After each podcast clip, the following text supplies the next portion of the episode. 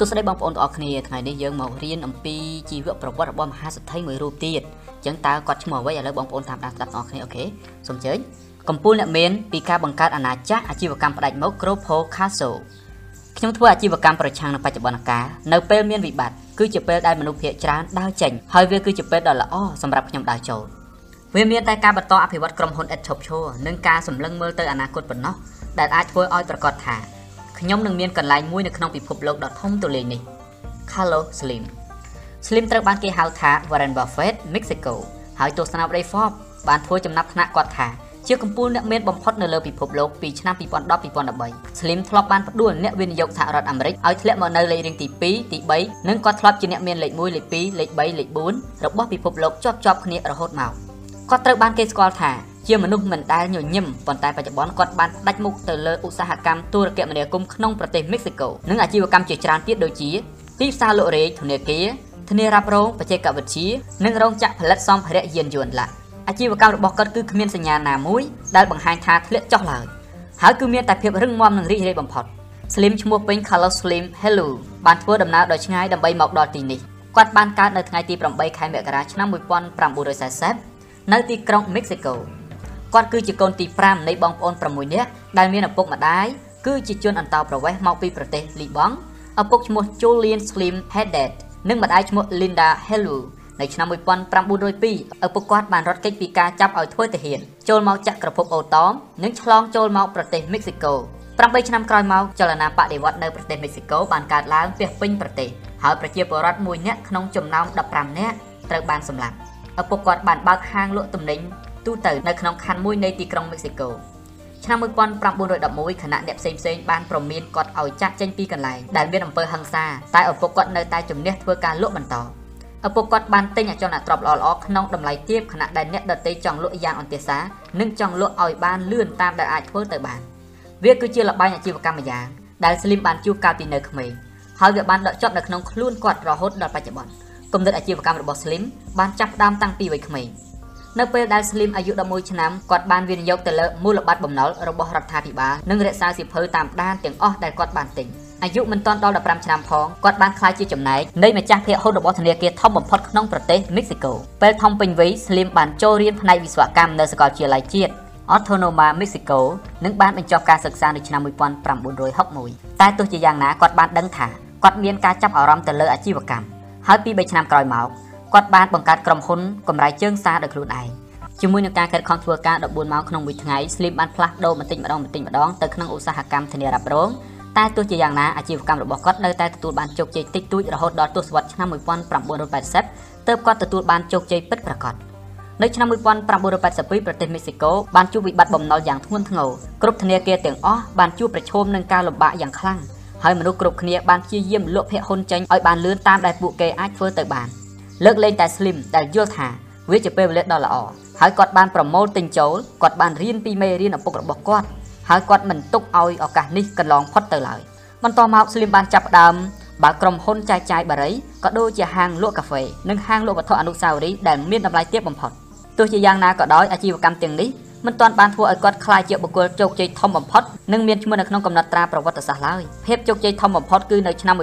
1990នៅពេលដែលរដ្ឋាភិបាលមិចស៊ីកូបានសុកចិត្តទទួលយកការទាមទារនិងការដាក់សម្ពាធពីធនាគារពិភពលោកនិងមូលនិធិរូបិយវត្ថុអន្តរជាតិដើម្បីធ្វើការផ្លាស់ប្ដូរសេដ្ឋកិច្ចឲ្យទៅជាសេដ្ឋកិច្ចទីផ្សារសេរីយុទ្ធនាការដ៏ខ្លាំងក្លានៃការធ្វើឯកជនភាវូបនីយកម្មបានចាប់ផ្ដើមឲ្យរដ្ឋាភិបាលលក់ក្រុមហ៊ុនរាប់រយដែលគ្រប់គ្រងដោយរដ្ឋឲ្យទៅឯកជន ក្នុងចំណោមក្រុមហ៊ុនទាំងនោះក៏មានក្រុមហ៊ុនទូរស័ព្ទ Telmac ផងដែរ Slim បានអរគុណដល់ឪពុករបស់គាត់ដែលបានធ្វើឲ្យគាត់យល់ដឹងពីការចាប់យកឱកាសនេះគាត់បានមើលឃើញពីសក្តានុពលដ៏ធំនៅចំពោះមុខនៅខណៈនោះ Slim ក៏មានទំនាក់ទំនងយ៉ាងជិតស្និទ្ធជាមួយនឹងប្រធានាធិបតីមិចស៊ីកូ Carlos Salinas de Gortari តែទោះជាយ៉ាងណាគាត់បានបដិសេធចំពោះការចោទប្រកាន់ដែលថាប្រធានាធិបតីបានផ្ដល់អ្វីពិសេសសម្រាប់គាត់ Slim បានទិញក្រុមហ៊ុន Telmac ពីរដ្ឋាភិបាលក្នុងតម្លៃ1.7ពាន់លានដុល្លារដោយសហការជាមួយក្រុមហ៊ុនសាជីវកម្ម Southwestern Bell និង Friend Telecom នៅពេលនោះមានសវនករជាច្រើនបានធ្វើការវិតម្លៃថាក្រុមហ៊ុន Telmac មានតម្លៃពី10ទៅ12ពាន់លានដុល្លារហើយ Slim ទទួលបានកិច្ចព្រមព្រៀងមួយដ៏ពិសេសការចោទប្រកាន់នេះបានកើតឡើងយ៉ាងខ្លាំងនៅក្នុងឆ្នាំ1993នៅពេលដែល Slim បានចូលរួមក្នុងព្រឹត្តិការណ៍ប្រមូលថវិកាមួយនិងបានប្រកាសជាសាធារណៈថា គាត់រួមជាមួយនឹងមេដឹកនាំអាជីវកម្មកម្ពុជាកម្ពុជា30រូបទៀតរបស់មិចស៊ីកូបានសន្យាផ្ដល់ប្រាក់ម្នាក់25លានដុល្លារទៅឲ្យគណៈបកនយោបាយលោកប្រធានាធិបតី Guterres ទោះបីជាការពិតជាអ្វីក៏ដោយគាត់បានកាន់កាប់ក្រុមហ៊ុន Telmex និងបានបង្កើតអាជីវកម្មផ្ដាច់មុខនៅពាសពេញប្រទេសនិងត្រួតត្រាទីផ្សារក្នុងប្រទេសបានប្រមាណ70%ចាប់ពីឆ្នាំ1990មកស្លៀមបានបន្តប្រើប្រាស់ប្រាក់ចំណេញពីក្រុមហ៊ុន Telmex ដើម្បីជំរុញការវិនិយោគផ្សេងៗរបស់គាត់ និងបានក្លាយជាអ្នកនាំមុខគេក្នុងយុគសម័យ Digital គាត់បានស្វែងរកទិញក្រុមហ៊ុនណាដែលជួបការលំបាកនិងមានតម្លៃថោកដែលគាត់គិតថាអាចកែលម្អចក្ខុវិស័យនិងអ្វីអ្វីពាក់ព័ន្ធបានតាមរយៈការផ្ដោតយកចិត្តទុកដាក់យ៉ាងខ្លាំងទៅលើក្រុមហ៊ុនទាំងមូល Slim បានចាប់ផ្ដើមអភិវឌ្ឍកេរ្តិ៍ឈ្មោះឲ្យក្រុមហ៊ុនជាក្រុមហ៊ុនដែលមានការគ្រប់គ្រងសាច់ប្រាក់ដ៏មានប្រសិទ្ធភាពនិងអនុវត្តយុទ្ធសាស្ត្រនៃការរីកចម្រើនបានឆាប់រហ័សក្នុងចំណោមក្រុមហ៊ុនធំបំផុតរបស់ Slim គឺក្រុមហ៊ុន America Mobile ដែលគាត់បានអភិវឌ្ឍឲ្យក្លាយទៅជាក្រុមហ៊ុនផ្ដល់សេវាទូរស័ព្ទចល័តដ៏ធំជាងគេនៅអាមេរិកដោយមានអតិថិជនជាង61លាននាក់ក្នុងក្រុមហ៊ុន Grupo Castle បានត្រួតត្រាជាង80%នៃក្រុមហ៊ុន Grupo Sanborn ដែលជាក្រុមហ៊ុនគ្រប់គ្រងហាងលក់រែងនៅទីក្រុង Chirobac ប្រទេសមិចស៊ីកូនៅប្រទេសមិចស៊ីកូក្រុមហ៊ុន Grupo Castle បានក្លាយជាក្រុមហ៊ុននាំមុខគេនៅអ្វីៗគ្រប់យ៉ាងតាំងពីហាងលក់នំផ្លូវដែករហូតដល់ទីផ្សារលក់រាយ ក្នុងឆ្នាំ2000 Slim បានព្យាយាមជំនះពីភាពជោគជ័យតិចតួចក្នុងការនាំចូលមកទីផ្សារអាមេរិកដោយបានបង្កើតក្រុមហ៊ុនមួយឈ្មោះថា Com USA និងបានខាតអស់1000លានដុល្លារបន្ទាប់ពីកាត់បន្ថយបុគ្គលិក1500នាក់និងដកផ្នែកខ្លះនៃអាជីវកម្មរបស់ក្រុមហ៊ុន Slim បានចាប់ផ្ដើមមើលឃើញពីភាពជោគជ័យខ្លះៗកើតឡើងតែទោះជាយ៉ាងណាក៏ដោយនៅក្នុងឆ្នាំ2002បន្ទាប់ពីបានទទួលបានលទ្ធផលជាវិជ្ជមាននៅអ្វីដែលគាត់បានសង្ឃឹម គាត់បានសម្រេចចិត្តលក់ភាគហ៊ុន51%ទៅឲ្យក្រុមហ៊ុនដទៃក្រុមហ៊ុនរបស់ Slim បានកើនឡើងតម្លៃប្រហែលជាពាក់កណ្ដាលនៃទីផ្សារភាគហ៊ុនរបស់ប្រទេសមេស៊ីកូនិងមានតម្លៃស្មើនឹង7%នៃផលិតផលក្នុងស្រុកសរុបរបស់ប្រទេសគាត់បានប្រគល់ការគ្រប់គ្រងក្រុមហ៊ុន Cropo Castle ឲ្យទៅកូនប្រុស3នាក់របស់គាត់ប៉ុន្តែគាត់នៅតែជាមនុស្សម្នាក់ដ៏មានឥទ្ធិពលរហូតដល់បច្ចុប្បន្នទោះបីជាមានការប្រែប្រួលនៃសេដ្ឋកិច្ចមេស៊ីកូនិងការធ្លាក់ចុះនៃប្រាក់ពេសូនៅក្នុងឆ្នាំ1994ក៏ដោយក្រុមហ៊ុន Cropro Castle ក៏នៅតែបន្តរីកចម្រើនរុងរឿងវាជាការលំបាកណាស់សម្រាប់ជនជាតិមេស៊ីកូភាគច្រើនបំផុតដែលក្នុងរយៈពេល1ថ្ងៃគឺគ្មានការទំនាក់ទំនងជាមួយនឹងក្រុមហ៊ុនរបស់ Slim នោះតាំងពីវិស័យអប់រំសុខភាពហិរញ្ញវត្ថុអចលនទ្រព្យរោងចក្រឧស្សាហកម្មទេសចរប្រព័ន្ធផ្សព្វផ្សាយកីឡាផ្សារទំនើបរោងភាពយន្តរហូតដល់បច្ចេកវិទ្យាទំនើបទំនើបនិងអ៊ីនធឺណិតជាមួយនឹងទេពកោសល្យក្នុងការដោះស្រាយបញ្ហា Slim បានក្លាយជាកម្ពុជាអ្នកមានយ៉ាងស្ងៀមស្ងាត់របស់ប្រទេសមេស៊ីកូនិងពិភពលោក ក្នុងខែមករាឆ្នាំ2018ទោះបីជាគាត់ធ្លាក់មកជាកម្ពុជាអ្នកមានបំផុតលេខ7របស់ពិភពលោកក៏ដោយគាត់នៅតែមានប្រាក់ជាង70.7ពាន់លានដុល្លារនិងគ្រប់គ្រងអាណាចក្រអាជីវកម្មធំធំរបស់ប្រទេសមិចស៊ីកូភាពជាអ្នកដឹកនាំសំខាន់សំខាន់របស់ Carlos Slim ទី1កុំធ្វើតាមមនុស្សភាគច្រើនឬទីផ្សារនៅពេលមានវិបត្តិគឺជាពេលដែលមនុស្សភាគច្រើនដើរចេញហើយវាគឺជាពេលដ៏ល្អសម្រាប់ខ្ញុំដើរចូល ភាពជោគជ័យនៅក្នុងអាជីវកម្មរបស់ Slim គឺអាចសរុបមកមួយឃ្លាយ៉ាងសាមញ្ញថាធ្វើប្រឆាំងនឹងបច្ចុប្បន្នកាលគាត់ភាកច្រើនគឺដូចទៅនឹងឪពុករបស់គាត់ដែលរីកចម្រើនរុងរឿងដោយវិស័យអចលនទ្រព្យនៅក្នុងអំឡុងពេលបដិវត្តរបស់មិចស៊ីកូ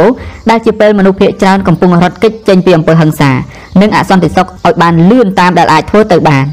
ស្លីមបានយល់ពីរបៀបដោះស្រាយបញ្ហាទាំងនោះនិងធ្វើការវិនិយោគផ្ទុយទៅនឹងទីផ្សារនិងដៃគូប្រកួតប្រជែងដែលនិយាយថាត្រូវឬល្អនោះស្លីមមិនដែលខ្វល់ពីអ្វីដែលអ្នកដទៃគិតពីគាត់ឡើយគាត់និយាយថាខ្ញុំមិនចង់រស់និងគិតថាតើខ្ញុំត្រូវឲ្យគេចងចាំយ៉ាងម៉េចនោះទេប្រសិនបើអ្នករស់នៅសម្រាប់គំនិតរបស់អ្នកដទៃអ្នកនឹងស្លាប់ផ្ទុយទៅវិញគាត់បានស្ថាបនាជីវកម្មរបស់គាត់ឲ្យផុតពីហ្វូងមនុស្សដទៃ Slim មិនបានព្យាយាមធ្វើឲ្យគេកត់សម្គាល់ឬធ្វើការកំណត់អ្វីសម្រាប់ថ្ងៃបន្ទាប់ឡើយ ប៉ុន្តែគាត់តែងតែវិនិយោគលើអ្វីដែលអ្នកដទៃមានការភ័យខ្លាចការវិនិយោគដ៏ធំបំផុតនៅក្នុងជីវិតរបស់ Slim គឺកើតឡើងក្នុងពេលដែលប្រទេសរបស់គាត់នៅចំកណ្ដាលនៃភាពចលាចលធនាគារមានដំណើរការរអាក់រអួលអាជីវកម្មបាននឹងកំពុងដួលរលំនិងប្រជាពលរដ្ឋរស់នៅក្នុងភាពភ័យខ្លាចនិងស្លាប់បាត់បង់ជីវិតជារៀងរាល់ថ្ងៃឆ្លងកាត់នៅពេលវេលាទាំងអស់នេះតើមនុស្សប៉ុន្មាននាក់មានពេលគិតពីខ្លួនឯងថាជាពេលវេលាដ៏ល្អឥតខ្ចោះសម្រាប់ធ្វើវិនិយោគតែផ្ទុយទៅវិញ Slim គឺជាមនុស្សម្នាក់ក្នុងចំណោមមនុស្សដ៏កម្រនិងមានសំណាង Slim បានពិនិត្យមើលពីជំរើសទីផ្សារនិងជ្រើសរើសយកអ្វីដែលមិនធម្មតានោះប្រសិនបើក្រុមហ៊ុនមួយដែលអនុវត្តមិនបានល្អគាត់មិនបោះបង់វាចោលឡើយហើយគាត់បានមើលពីភាពមិនជោគជ័យរបស់វារហូតដល់ចំណុចសូន្យគាត់តែងតែសួរថាតើក្រុមហ៊ុននេះមានសក្តានុពលដែរឬទេតើមានអ្វីអាចកែលម្អបានដែរឬទេតើមានអ្វីខុសដែលនាំឲ្យក្រុមហ៊ុនមិនជោគជ័យដែរឬទេការសម្រេចចិត្តក្នុងការទិញក្រុមហ៊ុន Telmec គឺជារឿងដ៏លំបាកមួយ ជាពិសេសនៅក្នុងបរិយាកាសដែលមនុស្សដឹងឮគ្រប់គ្នាថាមិនត្រឹមតែក្រុមហ៊ុន Telmec មួយទេដែលទទួលរងគ្រោះប៉ុន្តែប្រទេសជាតិទាំងមូលក៏រងគ្រោះដែរ Slim មានអាជីវកម្មខ្នាតតូចៗជាច្រើនពេញនៅក្នុងដៃនៅទសវត្សរ៍ឆ្នាំ1980ប៉ុន្តែក្រុមហ៊ុន Telmex គាត់បានមើលឃើញពីសក្តានុពលសម្រាប់រយៈពេលដ៏យូរអង្វែងហើយគាត់បានអភិវឌ្ឍផែនការដើម្បីស្រូបយកសក្តានុពលទាំងនោះតើ Slim ធ្វើយ៉ាងម៉េច តើគាត់តែងតែធ្វើអាជីវកម្មដែលគ្មាននរណាម្នាក់ធ្វើហើយយកលុយទៅបោះចោលទេវាមិនពិតទេគាត់បានរៀបចំយុទ្ធសាស្ត្រនិងធ្វើផែនការយ៉ាងល្អិតល្អន់បំផុតគាត់ប្រើគណិតវិទ្យារបស់គាត់និងធ្វើការកំណត់យ៉ាងលឿនថាតើវាគឺជាទ្រព្យដែលមានតម្លៃសម្រាប់ការរីកចម្រើនរុងរឿងដែរឬទេគាត់ត្រួតពិនិត្យមើលវាទាំងមូលគាត់ប្រមាលមើលពីអនាគតរបស់វាគាត់គិតពីអ្វីអ្វីដែលត្រូវធ្វើដើម្បីទប់ទល់ទៅនឹងការប្រកួតប្រជែងនានាដែលអាចកើតមាន Slim តែងតែធ្វើដំណើរទៅហួសពីអ្វីដែលកើតមានជាធម្មតា ហើយគាត់ជាមនុស្សដែលមានទស្សនវិស័យវែងឆ្ងាយបំផុតគាត់ធ្វើការវិយតម្លៃពីទ្រព្យសម្បត្តិក្រុមហ៊ុនពីមូលធនមនុស្សរហូតដល់តម្លៃខាងក្នុងក្រុមហ៊ុនប្រសិនបើគាត់យល់ថាគ្មានរឿងអ្វីមួយមានតម្លៃទេគឺគាត់មិនយកចិត្តទុកដាក់ពីវាឡើយទី2យល់ពីអនាគតនិងទីតាំងខ្លួនឯងខ្ញុំជាមនុស្សក្រដាសស្នាមមិនមែនជាមនុស្សអេឡិចត្រូនិកទេ Slim និយាយថាកូនខ្ញុំបានឲ្យកុំព្យូទ័រយួរដៃសម្រាប់បណ្ណូអែលប៉ុន្តែខ្ញុំដឹងត្រឹមតែបើកវាប៉ុណ្ណោះ កាលនៅរៀនសាកលវិទ្យាល័យគាត់សិក្សាពីមុខជំនាញវិស្វករគាត់អាចជានាលេខនិងរូបមន្តក្នុងល្បឿនយ៉ាងលឿនដែលមិនគួរឲ្យជឿប៉ុន្តែនៅពេលឲ្យប្រើប្រាស់កុំព្យូទ័របែរជាគាត់មិនចាប់អារម្មណ៍ទៅវិញគាត់ចូលចិត្តធ្វើខ្លួននៅក្នុងការិយាល័យកណ្ដាលដែលហុំព័ទ្ធទៅដោយក្រដាស់បញ្ជីស្នាមចេញចូលតាំងពីគាត់នៅក្មេងទាំងនេះមិនមានន័យថា Slim មិនចាប់អារម្មណ៍នឹងបច្ចេកវិទ្យាទំនើបទេគាត់អាចរីករាយនឹងការិយាល័យដែលផ្ទុកទៅដោយក្រដាស់ស្នាមប៉ុន្តែគាត់ដឹងថាពិភពលោកទាំងមូលមិនអញ្ចឹងទេ ហើយគាត់បានផ្ដល់អតិភិបខ្ពស់បំផុតទៅលើការយល់ដឹងពីឧស្សាហកម្មដែលនាំមុខនៅពេលអនាគតជាពិសេសគឺឧស្សាហកម្មដែលអាចឲ្យគាត់រកប្រាក់ចំណេញបានច្រើនបច្ចេកវិទ្យាគឺជាអ្នកផ្លាស់ប្ដូរជីវិតមនុស្សនិងសង្គមនៅគ្រប់ទីកន្លែងរបស់ពិភពលោក Slim និយាយថាខ្ញុំបានចំណាយពេលភាគច្រើនបំផុតដើម្បីសិក្សាពីបច្ចេកវិទ្យាថ្មីថ្មីការងារសំខាន់របស់ខ្ញុំគឺយល់ពីអ្វីដែលនឹងកើតឡើងនិងព្យាយាមមើលឲ្យឃើញថាកន្លែងណាដែលខ្ញុំអាចចំណេញបាន នៅចុងបញ្ចប់ Slim បានធ្វើការវិនិយោគលើអ្វីអ្វីគ្រប់យ៉ាងដែលទាក់ទងនឹងបច្ចេកវិទ្យាតាំងពីជាអ្នកផ្ដល់សេវាទូរស័ព្ទសេវាអ៊ីនធឺណិតហាងលក់កុំព្យូទ័រនិងក្រុមហ៊ុនបច្ចេកវិទ្យាផ្សេងៗទៀត។ជាពិសេសបច្ចេកវិទ្យាណាដែលនាំផលប្រយោជន៍ដល់ភាពរឹងមាំនិងរីកចម្រើនដល់ក្រុមហ៊ុនរបស់គាត់ទាំងមូលនៅក្នុងអាជីវកម្មរបស់ Slim ការលឿនពេកឬយឺតពេកគឺសុទ្ធតែជាកំហុសនៅក្នុងការធ្វើការវិនិយោគទាំងនេះហើយជាហេតុផលដែលគាត់ផ្ដោតទៅលើបច្ចុប្បន្នភាពថា តើបច្ចេកវិទ្យាថ្មីណាមួយសម្រាប់អនាគតនិងបច្ចេកវិទ្យាថ្មីណាមួយសម្រាប់អតីតកាលតួយ៉ាងគាត់បានមើលឃើញនៅការហៅទូរស័ព្ទក្រៅប្រទេសគឺជាអាជីវកម្មល្អមួយដែលមិនមានជាយូរមកហើយ Slim និយាយថាវានឹងមិនត្រឹមតែល្អសម្រាប់រយៈពេល2-3ឆ្នាំហើយបាត់ទៅវិញនោះទេវាល្អដូចនឹងការហៅទូរស័ព្ទនៅក្នុងប្រទេសដែរដូច្នេះយើងត្រូវតែឆ្ពោះទៅក្រៅប្រទេសអ្វីដែលសំខាន់ជាងគេសម្រាប់ Slim គឺអ៊ីនធឺណិតគាត់បានហៅអ៊ីនធឺណិតថាគឺជាបេះដូងនៃអរិយធម៌សម័យថ្មី ដោយសារតែគាត់ចាត់ទុកសហរដ្ឋអាមេរិកជាប្រទេសទំនើបជឿនលឿនបំផុតនៅក្នុងយុគសម័យ Digital គាត់បានជ្រើសរើសចូលមកទីផ្សារអាមេរិកនិងធ្វើការវិនិយោគក្នុងក្រុមហ៊ុន ComUSA និង America Mobile ការយល់ដឹងពីអនាគតគឺមិនមានន័យថាត្រូវបំភ្លេចពីអតីតកាលទេ Slim និយាយថាកំហុសមួយក្នុងចំណោមកំហុសដ៏ធំបំផុតរបស់មនុស្សគឺគិតតែពីឥឡូវនេះហើយយល់ថាអ្វីដែលជាអាជីវកម្មចាស់គឺហួសសម័យ តាមការពិតវាគឺជាផ្នែកមួយដ៏សំខាន់នៃអរិយធម៌សម័យថ្មីនេះទូយ៉ាងនៅពេលដែលហាងទំនិញលក់រាយជាច្រើនត្រូវបានគេណែនាំឲ្យប្រើប្រព័ន្ធអេឡិចត្រូនិកហើយពួកគេបានបោះបង់ចោលនៅអ្វីដែលគេធ្លាប់អនុវត្តនិងជាទុកចិត្តពីមុន Slim យល់ថាទាំងទំនើបនិងទាំងបុរាណគឺសុទ្ធតែសំខាន់គាត់និយាយថាមានសហគ្រិនជាច្រើនដែលក្រុមហ៊ុនរបស់ពួកគេរស់នៅក្នុងយុគសម័យឧស្សាហកម្មហើយបច្ចុប្បន្នពួកគេបានក្លាយជាផ្នែកមួយនៃយុគសម័យ Digital Slim ចង់ធ្វើឲ្យប្រកាសថា ប្រទេសមិចស៊ីកូគឺជាប្រទេសឈានមុខគេក្នុងយុគសម័យ Digital ហើយគាត់គឺជាអ្នកនាំវាមកគាត់បាននិយាយថាវាមានតែការបន្តអភិវឌ្ឍក្រុមហ៊ុនដោយឥតឈប់ឈរនិងការសម្លឹងមើលទៅអនាគតប៉ុណ្ណោះដែលអាចធ្វើឲ្យប្រកាសថាខ្ញុំនឹងមានកន្លែងមួយនៅក្នុងពិភពលោកដ៏ធំទូលាយនេះអ៊ីនធឺណិតគឺជាបេះដូងនៃអរិយធម៌សម័យថ្មី Carlos Slim ទី3ធ្វើឲ្យក្រុមហ៊ុនតូចស្ដើងនិងប្រតិបត្តិការឲ្យដូចម៉ាស៊ីន Slim មិនចូលចិត្តធ្វើការប្រៀបធៀបជាមួយនឹង Warren Buffett ទេ មិនមែនដោយសារតែគាត់មិនកោតសរសើរចំពោះអ្នកវិនិយោគអាមេរិករូបនេះដែលមានអាជីវកម្មដ៏ច្រើននោះទេប៉ុន្តែគាត់យល់ថាវាគឺជាការវាយតម្លៃមិនគ្រប់ជ្រុងជ្រោយនៅពេល Slim ដឹកនាំក្រុមហ៊ុនគាត់ធ្វើឲ្យមានរបៀបរៀបរយនិងសណ្ដាប់ធ្នាប់ខ្លាំងណាស់ Buffett ចង់ឲ្យមានការវិនិយោគល្អប៉ុន្តែ Slim ចង់ឲ្យដឹកនាំក្រុមហ៊ុនល្អគាត់ចង់ធ្វើឲ្យក្រុមហ៊ុនរបស់គាត់មានប្រសិទ្ធភាពគ្រប់វិស័យទាំងអស់ហើយអ្វីដែលសំខាន់បំផុតគឺគាត់ចង់ធ្វើវាដោយខ្លួនឯង វាមិនថាក្រុមហ៊ុនថ្មីឬការងាររដ្ឋបាលថ្មីទេប៉ុន្តែផ្ទុយទៅវិញវាជាការធ្វើឲ្យក្រុមហ៊ុនតូចនឹងកាត់បន្ថយនឹងកាត់បន្ថយស្រទាប់គ្រប់គ្រងឲ្យបានច្រើនតាមដែលអាចធ្វើទៅបាន Slim ចូលចិត្តដឹកនាំក្រុមហ៊ុនតែគាត់មិនភ្លេចគិតថាគាត់អាចធ្វើវាបានដោយខ្លួនឯងទេគាត់តែងតែរក្សាគ្រប់គ្រងក្រុមហ៊ុនឲ្យបានច្រើនតាមដែលអាចធ្វើទៅបានទោះបីជាបុគ្គលិកខ្លាយជាអ្នកមានជំនាញគ្រប់គ្រងអាជីវកម្មក៏ដោយស្លីមចង់ឲ្យក្រុមហ៊ុនគាត់ត្រូវបានគ្រប់គ្រងដោយដៃគាត់ដឹកនាំដោយខ្លួនគាត់និងគាត់នៅពីមុខគេ គាត់និយាយថាយើងចង់ឲ្យមានស្រទាប់គ្រប់គ្រងឲ្យកាន់តែតិចគឺកាន់តែល្អហើយអ្នកគ្រប់គ្រងត្រូវតែនៅជាប់ជាមួយនឹងអ្នកអនុវត្តតយើងមិនជឿលើរចនាសម្ព័ន្ធសហការច្រើនស្រទាប់ទេ Group Castle គឺជាក្រុមហ៊ុនតូចមួយហើយគ្មានអ្វីត្រូវឲ្យបុគ្គលិកសហការគ្នាច្រើនទេ Slim ត្រូវធ្វើការងារដោយខ្លួនឯងក្នុងអាគារគ្មានបង្អួច សម្រាប់មួយជីវិតការងាររបស់គាត់បើទោះបីជាគាត់បានខ្លាយជាកំពូលអ្នកមានលេខ1លើโลក៏ដោយគាត់មានឆន្ទៈក្នុងការធ្វើអ្វីៗគ្រប់យ៉ាងដើម្បីធ្វើឲ្យក្រុមហ៊ុនមានដំណើរការប្រកបដោយប្រសិទ្ធផលនិងចំណាយប្រកបដោយប្រសិទ្ធភាពតាមដែលអាចធ្វើទៅបានបន្ទាប់ពី Slim ទទួលបានការគ្រប់គ្រងក្រុមហ៊ុន Telnet ភ្លាមគាត់បានកំណត់ជាបន្ទាន់នៅអ្វីដែលត្រូវធ្វើដើម្បីកែលម្អដំណើរប្រតិបត្តិការរបស់ក្រុមហ៊ុនពេលនោះក្រុមហ៊ុនមានដំណើរការមិនល្អទេគាត់បានយល់ឃើញថា ការងារសំខាន់របស់គាត់គឺរៀបចំអ្វីអ្វីឡើងវិញស្លីមបានបំពាក់ឧបករណ៍សម្ភារៈទំនើបនិងតាក់ទងដោយផ្ទាល់ជាមួយនឹងអ្នកផ្គត់ផ្គង់គាត់ធ្លាប់គម្រាមដកខ្លួនចេញពីកិច្ចព្រមព្រៀងមួយជាមួយនឹងក្រុមហ៊ុនផ្គត់ផ្គង់ដ៏ធំបំផុតរបស់របស់ Irisan ប្រសិនបើពួកគេមិនបានផ្ដល់ឲ្យគាត់នៅឧបករណ៍សម្ភារៈល្អបំផុតលើសពីកន្លែងផ្សេងស្លៀនបានបង្ហាញពីរបៀបគ្រប់គ្រងរបស់គាត់ឲ្យទៅជាការងារអនុវត្តជាក់ស្ដែងបន្ទាប់ពីបានធ្វើឲ្យក្រុមហ៊ុនមានភាពលំនឹងតិចតួចគាត់ចាប់ផ្ដើមធ្វើការកែលម្អការងារផ្នែកខាងក្នុងហើយបន្ទាប់មកគាត់បានឈានមួយជំហានទៅគ្រប់គ្រងការងារឲ្យបានច្រើន គាត់មិនដែលខ្ជិលខ្ជាយពេលវេលាក្នុងការធ្វើអ្វីមួយឡើយគាត់និយាយថានៅពេលដែលយើងសម្រេចចិត្តធ្វើអ្វីមួយយើងធ្វើវាភ្លាមនៅពេលស្លៀមគ្រប់គ្រងក្រុមហ៊ុនគាត់តែងតែរក្សានៅការគ្រប់គ្រងទាំងមូលនៅឆ្នាំ2002គាត់បានចំណាយប្រាក់300លានដុល្លារដើម្បីទិញក្រុមហ៊ុន MCI ដែលមានបញ្ហានឹងបានកំណត់ភ្លាមនៅអ្វីដែលត្រូវធ្វើទោះបីជាមានការរក្សាគណៈគ្រប់គ្រង MCI ឲ្យនៅជាសមាជិកក្រុមប្រឹក្សាពិបាលក៏ដោយតែគាត់មិនអនុញ្ញាតពួកគេធ្វើការកំណត់ចក្ខុវិស័យរបស់គាត់ឡើយ Slim និយាយថា អ្វីដែលខ្ញុំត្រូវធ្វើគឺព្យាយាមធ្វើឲ្យបានល្អបំផុតសម្រាប់ម្ចាស់ភាគហ៊ុនរបស់ខ្ញុំរយៈពេលតែ2-3ឆ្នាំប៉ុណ្ណោះគាត់បានធ្វើឲ្យក្រុមហ៊ុន MCI មានតម្លៃកើនឡើងដល់ទៅជាង1000លានដុល្លារ Slim មិនចង់គ្រាន់តែទិញក្រុមហ៊ុនមួយហើយអង្គុយមើលដោយទុកឲ្យអ្នកដទៃធ្វើឬដឹកនាំជំនួសនោះទេគាត់និយាយថាវាគឺជាប្រាក់របស់ខ្ញុំការវិនិយោគរបស់ខ្ញុំនិងការប្រតិបត្តិរបស់ខ្ញុំហើយខ្ញុំនឹងធ្វើវាឲ្យតូចស្ដើងតាមរបៀបដែលខ្ញុំចង់បានទី4គ្រប់គ្រងវាសនាខ្លួនឯងនរណានិយាយថាខ្ញុំកំពុងកាន់កាប់ទីក្រុងទាំងមូល តាមពិតខ្ញុំបានទិញយកអ្វីគ្រប់យ៉ាងហើយគ្មានអ្វីអាចបញ្ឈប់ខ្ញុំពីការបន្តគម្រោងរបស់ខ្ញុំបានទេនៅដើមទសវត្សរ៍ឆ្នាំ1980 Slim បានចាប់ផ្ដើមវិនិយោគក្នុងវិស័យអចលនទ្រព្យសំណង់គ្រឿងសម្អាងនិងក្រដាសបន្ទាប់ពីពេលនោះមក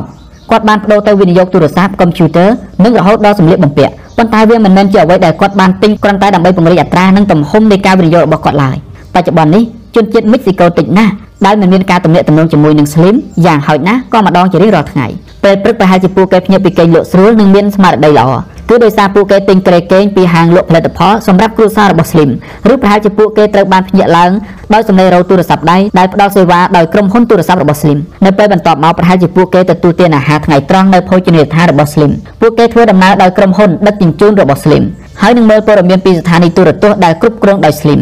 ភាពបានជោគជ័យរបស់ Slim នៅទូទាំងអាមេរិកឡាទីនគឺគ្មានគូប្រៀបទេអ្វីដែលធ្វើឲ្យមានការចាប់អារម្មណ៍ខ្លាំងនោះគឺថាគាត់អាចឈប់បន្ទាប់ពីគាត់ទទួលបានក្រុមហ៊ុន Telmec មនុស្សភាគច្រើនអាចនឹងពេញចិត្តជាមួយនឹងការបង្កើតអាជីវកម្មផ្ដាច់មុខលើឧស្សាហកម្មទូរគមនាគមន៍ទូទាំងប្រទេសប៉ុន្តែគាត់មិនធ្វើវាដូច្នេះឡើយគាត់មិនដូចមនុស្សភាគច្រើនដែលពេញចិត្តជាមួយនឹងភាពជោគជ័យទេតែផ្ទុយទៅវិញគាត់នៅតែបន្តពង្រីកភាពជោគជ័យឥតឈប់ឈរ ហើយអ្វីដែលធ្វើឲ្យគាត់ខុសប្លែកពីអ្នកដទៃគឺមហិច្ឆតាដែលជាមហិច្ឆតាឥតមានព្រំដែននិងការស្រេកឃ្លានចង់បានកាន់តែច្រើនកាន់តែល្អបន្ទាប់ពីជោគជ័យនៅមិចស៊ីកូ Slim សម្រេចចិត្តពង្រីកអាជីវកម្មទៅពិភពលោកការបញ្ឈប់មួយក្នុងចំណោមការបញ្ឈប់គាត់ដំបូងគេគឺនៅប្រទេសកូឡុំប៊ីជាប្រទេសមួយដែលគាត់និយាយថាមានអាចកំបាំងខ្លាំងណាស់អាចកំបាំងទាំងនៅក្នុងរដ្ឋាភិបាលនិងអាចកំបាំងពីអនាគតរបស់ប្រទេសកូឡុំប៊ីប៉ុន្តែទោះបីជាយ៉ាងណាក៏ដោយ Slim មិនបានគិតពីទំហំតូចទេហើយអ្វីៗដែលគាត់ធ្វើក៏មិនដែលគិតពីទំហំតូចដែរគ្រាន់តែពី3ខែប៉ុណ្ណោះ Slim បាននិយាយថាគាត់រំពឹងចង់ឃើញសេវាទូរស័ព្ទដៃរបស់គាត់គឺត្រូវបានប្រើប្រាស់ដោយប្រជាជនកូឡុំប៊ីមួយនាក់ក្នុងចំណោម2នាក់សម្រាប់ប្រទេសនេះគាត់មិនផ្ដល់អត្ថប្រយោជន៍ទៅលើបទពិសោធន៍អាជីវកម្មទេតែអ្វីដែលនាំឲ្យគាត់ធ្វើគឺមហិច្ឆតារបស់គាត់អាណាចក្ររបស់ Slim បច្ចុប្បន្នគឺគ្របដណ្ដប់លើសពីអាមេរិកឡាទីនពលគឺឈានទៅដល់សហរដ្ឋអាមេរិកសេវាទូរស័ព្ទដៃរបស់គាត់មានអ្នកប្រើប្រាស់នៅអាមេរិកជាង61លាននាក់ហើយបានក្លាយជាក្រុមហ៊ុនផ្ដល់សេវាទូរស័ព្ទដៃធំជាងគេបំផុតនៅក្នុងតំបន់ សម្រាប់ Slim គ្មានការងារណាដែលសំខាន់ជាងការចូលនិងដណ្ដើមបានទីផ្សារនៅអាមេរិកឡើយគាត់និយាយថាអំណាចទិញរបស់ប្រជាពលរដ្ឋអាមេរិកគឺខ្ពស់ជាងប្រជាពលរដ្ឋមិចស៊ីកូច្រើនណាស់មហិច្ឆតាតែមួយមុខគឺមិនគ្រប់គ្រាន់ទេដើម្បីជាកម្លាំងជំរុញឲ្យ Slim ក្លាយជាកំពូលអ្នកមានលេខ1លេខ2លើโลกប៉ុន្តែគាត់ប្រកាសណាស់ថាវានឹងមិនអាចសម្រេចបានទេបើគ្មានមហិច្ឆតាដោយការបដិសេធនឹងការពេញចិត្តពីស្ថានភាពបច្ចុប្បន្នហើយនឹងមិនដែលបោះបង់ Slim បានប្រើមហិច្ឆតារបស់គាត់ដើម្បីគ្រប់គ្រង លើជោគវាសនារបស់គាត់ជាមួយនឹងអាណាចក្រលាតសន្ធឹងដ៏ធំធេងដែលបច្ចុប្បន្នរាប់បញ្ចូលនៅអ្វីអ្វីគ្រប់យ៉ាងតាំងពីក្រុមហ៊ុនអាកាសចររហូតដល់ហាងលក់សម្ភារៈតន្ត្រី Slim ហាក់ដូចជាគ្រប់គ្រងវាសនាមនុស្សច្រើនលើសពីខ្លួនគាត់ម្នាក់ឯងសម្រាប់ខ្ញុំគ្មានការងារណាដែលសំខាន់ជាងការចូលនិងដណ្ដើមបានទីផ្សារនៅអាមេរិកឡើយអំណាចទិញរបស់ប្រជាពលរដ្ឋអាមេរិកគឺខ្ពស់ជាងប្រជាពលរដ្ឋមិចស៊ីកូច្រើនណាស់ Carlos Slim ទី5អ្វីគ្រប់យ៉ាងមានចំណុចចាប់ផ្ដើម Slim គឺជាអ្វីអ្វីគ្រប់យ៉ាងជាទីប្រឹក្សានយោបាយជាមន្ត្រីជាន់ខ្ពស់របស់រដ្ឋាភិបាលមិចស៊ីកូរហូតដល់ជាមនុស្សដែលគ្រួសារគោរពជាបំផុតប៉ុន្តែអ្វីដែលសំខាន់និងអត្ថភាពជាងគេបំផុតដែលគាត់ចង់ប្រាប់មនុស្សគ្រប់គ្នាគឺថាគាត់គឺជាសហគ្រិនដោយសារតែគាត់យល់ឃើញដូច្នេះហើយទើបគាត់ធ្វើអ្វីអ្វីគ្រប់យ៉ាងតើវាមានន័យពិតប្រាកដយ៉ាងម៉េចមានន័យថាអ្វីអ្វីគ្រប់យ៉ាងដែលគាត់ធ្វើគឺមានចំណុចចាប់ផ្ដើមរបស់វា Slim អាចជាកម្ពុជាអ្នកមានបំផុតលេខ1 លេខ2លើលោកប៉ុន្តែរហូតដល់ពេលនេះគាត់បានរក្សាទ្រព្យសម្បត្តិភាគច្រើនបំផុតសម្រាប់ខ្លួនគាត់មិនដូចដៃគូរបស់គាត់ដែលជាកម្ពុជាអ្នកមាននៅក្នុងបញ្ជីទស្សនវិស័យ Forbes ទេ Slim ត្រូវបានគេមើលឃើញថាគាត់ប្រើប្រាស់ទ្រព្យតិចតួចដើម្បីសពរសធោគាត់និយាយថាគោលគំនិតរបស់យើងគឺផ្ដោតច្រើនទៅលើការសម្រេចជោគជ័យនិងការដោះស្រាយបញ្ហាជាជាងផ្ដោតប្រាក់ទៅឲ្យអ្នកដទៃភាពក្រីក្រគឺមិនត្រូវបានដោះស្រាយតាមរយៈការផ្ដោតប្រាក់ឲ្យនោះទេនៅពេលក្រោយមកស្លីបបានចាប់ផ្ដើមបន្ទន់ជំហរមកជាអ្នកស្នេហាមនុស្សជាច្រើន ប៉ុន្តែចំណុចសំខាន់របស់គាត់គឺមិនផ្លាស់ប្ដូរឡើយគាត់ពោលថាខ្ញុំតែងតែនិយាយថាមនុស្សកាន់តែល្អប្រសើរគឺជាមនុស្សដែលមានការទទួលខុសត្រូវក្នុងការជួយអ្នកដទៃឲ្យបានកាន់តែច្រើនដូចគ្នានឹងដែរវាគឺជារឿងសំខាន់ណាស់ដើម្បីដឹកនាំក្រុមហ៊ុនឲ្យល្អនិងយកចិត្តទុកដាក់ខ្ពស់លើការរីកចម្រើនហើយនឹងប្រើប្រាស់បទពិសោធន៍សហគ្រិនដើម្បីធ្វើឲ្យកិច្ចសហការជួយមនុស្សជាតិឲ្យកាន់តែមានប្រសិទ្ធភាពខ្ពស់ Slim បានបង្កើតមូលនិធិសប្បុរសធម៌នៅក្នុងក្រុមហ៊ុន Gropo Castle និងក្រុមហ៊ុន Telmex ដែលមានមូលនិធិសរុបជាង4000លានដុល្លារកាលពីឆ្នាំកន្លងមកនេះ ថវិកានេះបានផ្ដល់អាហារូបករណ៍ដល់និស្សិតនៅមហាវិទ្យាល័យចំនួន17000នាក់ជួយធានាឲ្យនៅក្រៅឃុំសម្រាប់ជនជាប់ចោតលើកដំបូងចំនួន5000នាក់និងជួយសម្រាប់ថ្លៃវាសកាត់នៅជនបទចំនួន11000នាក់ Slim បានតាំងចិត្តថាក្រោយពីប្រគល់ការងារគ្រប់គ្រងការវិនិយោគទៅឲ្យកូនប្រុសទាំង3របស់គាត់ គាត់នឹងមានផែនការចំណាយពេលវេលានិងធម៌ពលច្រើនថែមទៀតដើម្បីធ្វើកិច្ចការមនុស្សធម៌គាត់មានជំនឿថាប្រសិនបើអ្នកជំនួញដឹងពីរបៀបគ្រប់គ្រងអាជីវកម្មប្រកបដោយប្រសិទ្ធភាពនោះពួកគេនឹងមានលទ្ធភាពចាត់ចែងមូលនិធិប្រកបដោយប្រសិទ្ធភាពដែរវាមិនមែនជាបញ្ហានៃការផ្ដល់ប្រាក់ទេតែវាជាបញ្ហានៃការផ្ដល់ទៅកន្លែងណាមួយនិងធ្វើអ្វីខ្លះដើម្បីឲ្យប្រកាសថាការផ្ដល់នោះពិតជាតម្រូវការមូលដ្ឋាននិងចាំបាច់ពិតប្រាកដគាត់បានបន្ថែមថា ខ្ញុំនឹងផ្ដល់ធនធានដើម្បីព្យាយាមដោះស្រាយបញ្ហាទាំងនោះឲ្យបានឆាប់តាមដែលអាចធ្វើទៅបានភាគច្រើនស្លៀងបាននាំមកនៅរបៀបចំណាយដែលមានប្រសិទ្ធភាពនិងរបៀបធ្វើឲ្យហេដ្ឋារចនាសម្ព័ន្ធគ្រប់គ្រងតូចស្ដើងនៅក្នុងក្រុមហ៊ុនយកមកអនុវត្តនៅក្នុងមូលនិធិរបស់គាត់គាត់ប្រាថ្នាឲ្យអ្នកផ្សេងទៀតធ្វើតាមគោលគំនិតនេះពីព្រោះគាត់មើលឃើញថាការអភិវឌ្ឍសេដ្ឋកិច្ចនិងសង្គមគឺជារឿងល្អសម្រាប់ការអភិវឌ្ឍអាជីវកម្មដែរ Slim និយាយថាគ្មានការវិនិយោគណាប្រសើរជាងការជំរុញឲ្យមានការអភិវឌ្ឍឡើយ នៅសហរដ្ឋអាមេរិករដ្ឋាភិបាលតែងតែស្វែងរកអ្វីមួយដែលសំខាន់មកធ្វើសម្រាប់ជាគុណប្រយោជន៍បន្ថែមដល់អាជីវកម្មពួកគេមិនមែនធ្វើគ្រាន់តែដើម្បីល្អមើលទេគឺពួកគេធ្វើដើម្បីហេតុផលអាជីវកម្មឲ្យកាន់តែល្អប្រសើរពួកគេជំរុញឲ្យមានការអភិវឌ្ឍវិស័យអប់រំពួកគេនឹងមានលទ្ធភាពផលិតនិងលក់ផលិតផលបានកាន់តែច្រើននៅក្នុងយុគសម័យ Digital ថ្មីនេះការសន្យាផ្ដល់មូលនិធិសប្បុរសធម៌របស់ Slim គឺនៅមានចំនួនតិចជាង Bill Gates និង Warren Buffett ប៉ុន្តែអ្វីដែលគាត់បានធ្វើជាមួយនឹងមូលនិធិនោះ គឺពិតជាសំខាន់គាត់បានបង្ហាញពីសារៈសំខាន់នៃការប្រើប្រាស់គោលគំនិតគ្រប់គ្រងអាជីវកម្មនៅក្នុងសកម្មភាពមនុស្សធម៌និងការអភិវឌ្ឍ Slim មិនត្រឹមតែជាមនុស្សម្នាក់ដែលជោគជ័យបំផុតនៅក្នុងប្រវត្តិសាស្ត្ររបស់ប្រទេសមិចស៊ីកូប៉ុណ្ណោះទេគាត់ក៏ថែមទាំងជាអ្នកជំនួញដែលជោគជ័យបំផុតនៅក្នុងប្រវត្តិសាស្ត្ររបស់ពិភពលោកជារៀងរហូតផងដែរភាពក្រីក្រគឺមិនត្រូវបានដោះស្រាយតាមរយៈការផ្ដល់ប្រាក់ឲ្យនោះទេ Carlos Slim